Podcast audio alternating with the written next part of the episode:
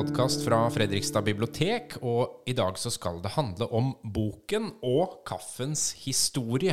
Og til å fortelle om det, så har vi med oss Martin. Velkommen, Martin. Tusen takk. Og da må jeg åpne med å si god morgen, du varme kaffe. Det dufter av deg til mine sanser. Og hvem er det som skrev det, Martin?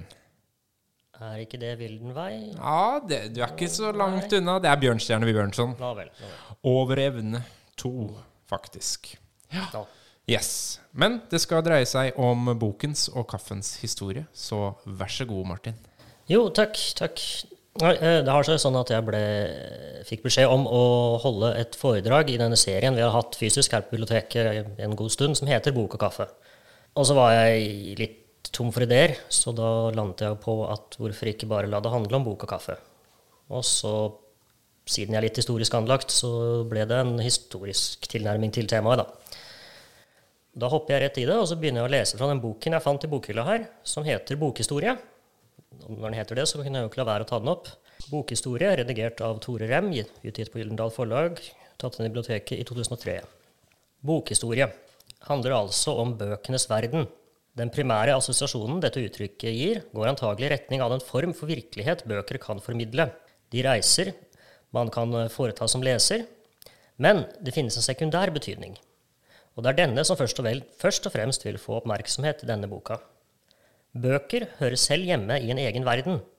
De inngår i et system som er nødvendig for at de i hele tatt skal foreligge, og for at de skal oppnå den autoritet de har i vår kultur. I tillegg kan man si at bøkenes tekster nødvendigvis befinner seg i en verden som utgjøres av selve bokas fysiske uttrykk. I vårt dagligspråk refererer bøkenes verden altså normalt til et indre rike, og slik fanger uttrykket en fenomenologisk dimensjon. Her reflekterer språket vår vanetenkning. Bokhistorien stiller imidlertid spørsmål ved denne tankemessige inndelingen av teksters liv i en indre og ytre form. For det første vil tekster alltid være historisk situerte.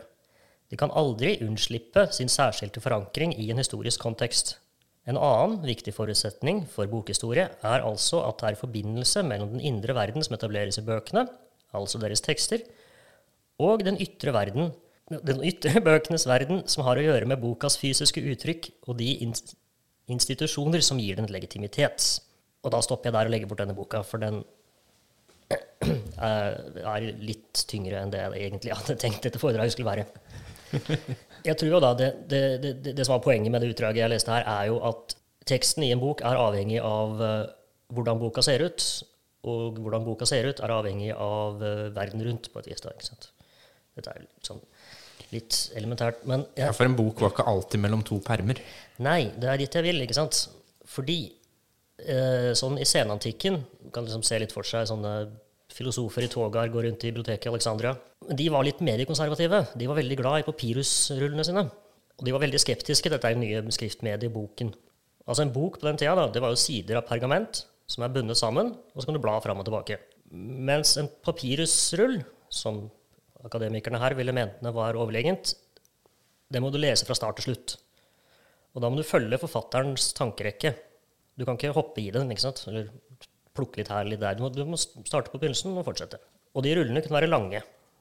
De kunne være ja, 6-18 meter, mener jeg har lest. Altså, det, det er rimelig uhåndterlig, egentlig. Bare som en liten sånn avsporing her, så ble det da lest på et stort bord, hvor man har én rull liggende nederst med papyrusen man skal lese, og så har man én rull over, som man ruller opp ikke sant, mens man leser. Så det blir litt som en kassett, på et vis. Ja. Så da må det jo ha vært et problem i de gamle antikke bibliotekene at lesere ikke spolte tilbake papyrusrullene. Den nye boka da, som eh, gjorde sitt inntog, den åpner for mye mer sånn fragmentert lesing. Du kan ta noen linjer her, kapitler der, hoppe fram og tilbake, og så kan du trekke ut det som passer best i den sammenhengen du på en måte bruker boka. da.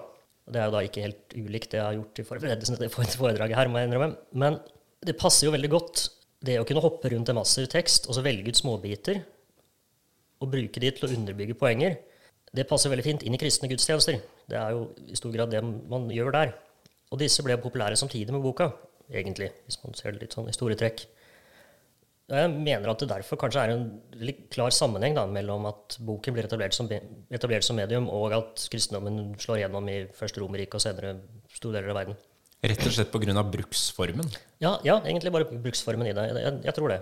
Altså den, den har jo andre, andre fordeler. Det er jo kjekt å kunne slå opp på en side uten å måtte rulle ut 18 meter. altså Det er jo ikke det. Men eh, ja, Nei, men da får, man jo lyst til å lure på hva liksom antikkens uh, akademikere og filosofer ville ment om på en måte internettsider med hyperlenker til nye internettsider osv.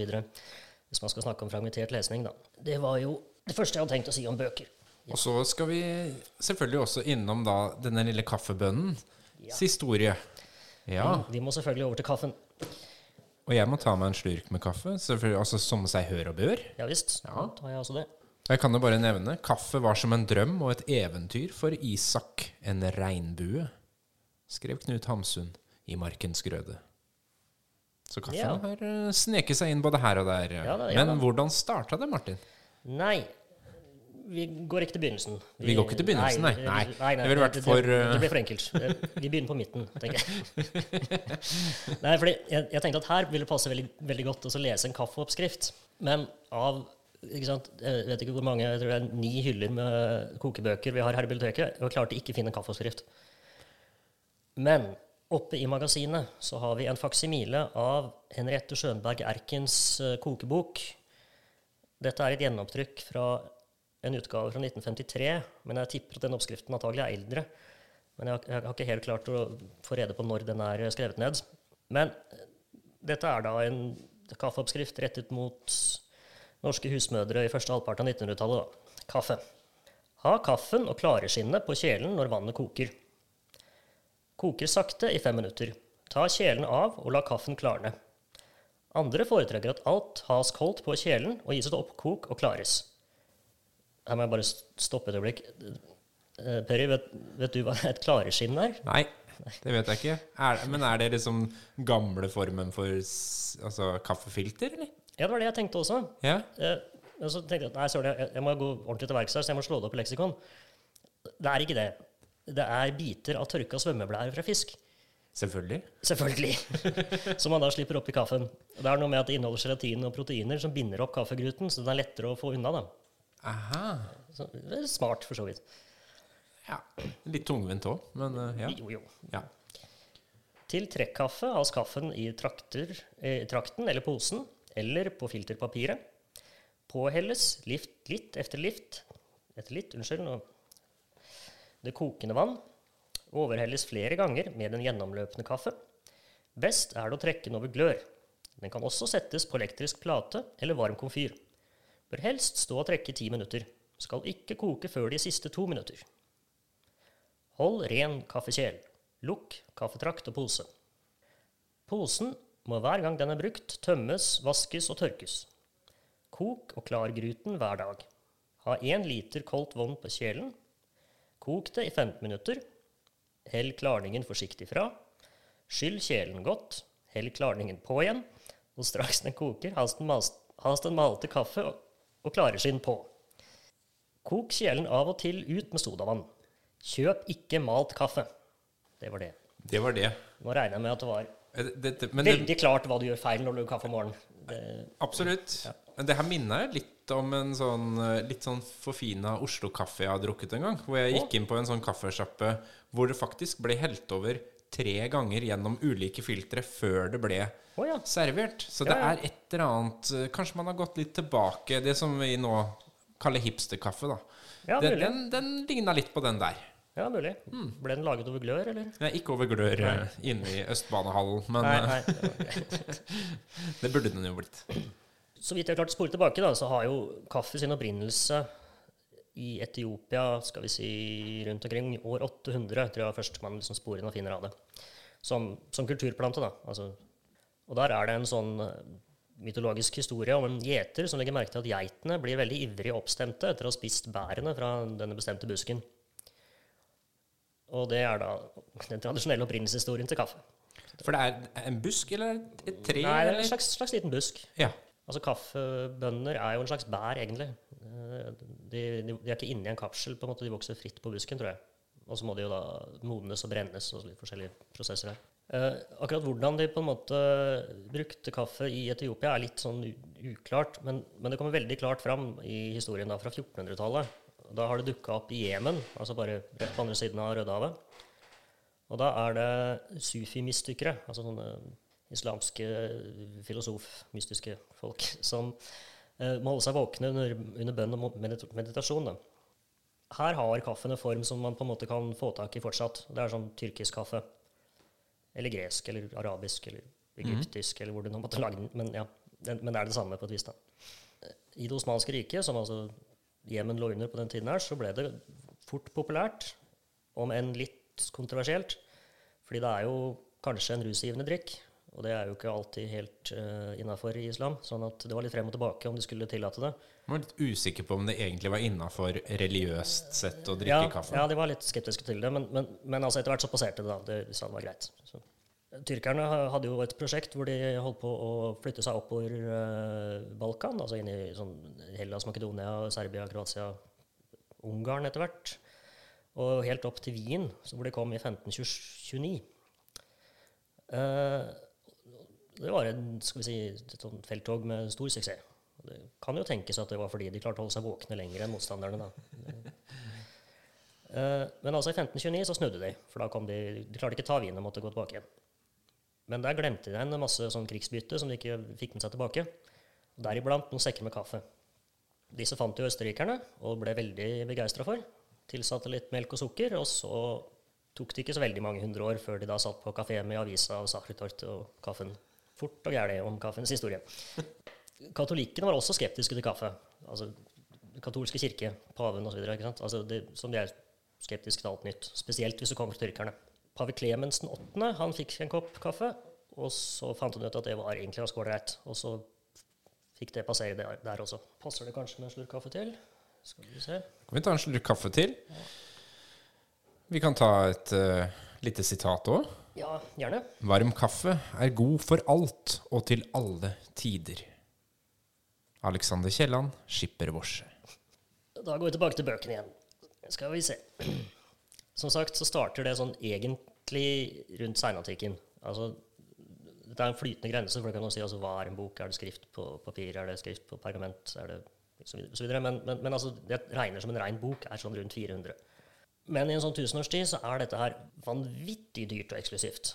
Hvis du skal lage en bok av en viss størrelse, så må du slå i hjel en liten flokk med kalver. Egentlig en ganske stor flokk kalver, faktisk. Skal vi si sånn I middelalder-Europa så er jo kveg er jo egentlig det samme som rikdom. og så må du i tillegg ansette de høyest utdanna i samfunnet til å holde på med å jobbe med dette her i månedsvis for å lage noe. Og da ender du opp med ett eksemplar av boka. En stor og pen bok ville på en måte ha vært like mye som en Ferrari er nå. ikke sant? Det er jo man, ordentlig status. For nå er vi fortsatt på håndskrevne, håndskrevne bøker. bøker. Håndskrevne bøker, ja. Det er viktig å si. Mm. Uh, for da kom jo sant, Gutenberg og trykkerevolusjonen kom jo rundt 1440. Så, eller altså, Hans første bibel er 1440. Men, det går innmari fort da, før det har spredt seg til eh, Europa. I løpet av 30-40 år så er det jo i de fleste store europeiske byer trykkerier. Og samtidig kommer også papiret. Eller vil si, papiret er egentlig eldre, men de får opp ordentlig produksjon av det, sånn at materialene også blir billigere. Og da bruker du den nye teknologien til å spre reformasjon og sladder og propaganda og et og annet litterært mesterverk utover det europeiske kontinent. Hvis vi ser nå Jeg snakket om der tyrkerne snur utenfor Wien i 1529 og Gutenberg eh, i 1440 pluss noen år, og så legger man til en sånn skikkelig kronologisk goodwill, så ser man at dette sammenfaller ganske bra. Altså bøker og kaffe. Når bøker blir et sånt utbredt fenomen, og kaffe begynner å drikkes mange steder, så er vi på ca. samme tid. Det kan være tilfeldig. Men det kan også ikke være tilfeldig. Ja, men det kan være tilfeldig. Men det er tilgjengeligheten på bøkene ja. begynner å ja, ja, ikke sant. Uansett om det nå er en direkte sammenheng mellom på en måte utviklingen av bøker og kaffekultur eh, eller ikke, så er, går det jo veldig bra sammen. Om vi ser bort fra flekkene, selvfølgelig kan jeg jo som bibliotekar underskrive at det er ganske irriterende at man finner kaffemarinerte bøker. Dette er fordi altså, lesing og skriving altså, det er en ganske sånn konsentrert og slitsom aktivitet. Og kaffe er en sånn stimulerende drikk som gjør deg litt mer konsentrert. Og det hjelper hvis du skal sitte og lese utover kvelden. ikke sant? Til en viss grad. Til en viss grad. Ja. Jo, jo, da, du kan, du kan, gå for langt, jeg sier ja. ikke det. Men, eh, men, men, hvis du tenker alternativet da, ikke sant, i middelalderen, mm. før kaffen kom Det er de europeiske klostrene som lager bøker. Og for så vidt også leser bøker. Og det de også produserer og konsumerer mengder av, er vin og øl. Og det går i hvert fall ikke bra sammen. Det blir ikke en bedre leser eller kalligrafa. Du blir nok ikke egentlig det av kaffe heller, men det kan føles litt sånn, og det blir ikke mye verre, i hvert fall. Jeg kan liksom se for meg litt sånn utpå ut på kvelden når det begynner å bli tomt i vindtønna, munkene sitter her og skriver bøker og leser religiøse tekster for hverandre, så må det ha vært noen alvorlige bommerter og misforståelser. Kan hende det er en del misforståelser som har oppstått rett og slett der. Det kan godt være. Det det skal, skal ikke se bort ifra. Skal vi se, nærmer vi oss kanskje slutten av, av hvert fall det jeg hadde planlagt å si her. Men får med én ting til. Og det er i 1773 var en liten eh, radikal gruppe i Boston som arrangerte et teselskap. Ikke kaffe, men The Tea Party. Yes. Bortsett fra at det var jo ikke det, det var det stikk motsatte. Fordi de kapra jo eh, de brit- britiske båtene, og så kasta de teen over bord. Og da sverget de jo til kaffe som protestdrikken mot engelsk imperialisme. Fordi det var jo, det dreide seg om skattlegging av te osv.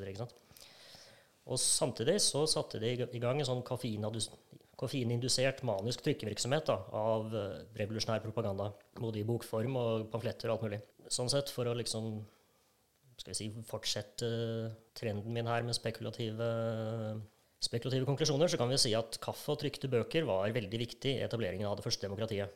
Da har jeg tenkt å avslutte historien inntil videre, og så får vi se om jeg eh, forsker meg fram til en fortsettelse videre en gang. det er veldig fint, eh, Martin. Og sånn i, i Norge, eh, vet du noe om liksom Når begynte vi egentlig å drikke kaffe i Norge? Er, er det liksom på samme tid som det ut, skjer i Europa, eller? Jeg har en mistanke om at det er etter 1773, så det må bli neste gang. Uh, nei. For det, altså, for det er jo boka kom, Den første trykte boka i Norge. Den har jeg vært og sett på på Nasjonalbiblioteket. Den er veldig sein. 1644. Ja, det er veldig sent. Ja. Det er sent. Ja. Men, eh, men importerte og trykte bøker fra København, da, selvfølgelig. Så, Ja, så det fantes. Det var på Ja, ja, en ja. måte Det var jo Det var- tilgjengelig. det, var, Eh, det var bøker. Det var ja, ja. sant. Det var det. Selvfølgelig. Men sånn i biblioteksform, har det dukka opp i, når du har gått gjennom historien her? Den der, tilbake til den tilgjengeligheten til boka. Det var Mm. liksom klostrene som hadde bøkene. Eh, når, når kunne liksom folk begynne å, å gå og, og lete opp bøker sjøl? Altså det første offentlige biblioteket i Norge er jo Deichman, faktisk. Holde tunga rett i munnen, men det er vel 1780-90-tallet, så jeg husker. Ja. Det er liksom akkurat i opplysningstida og Ja. Ja.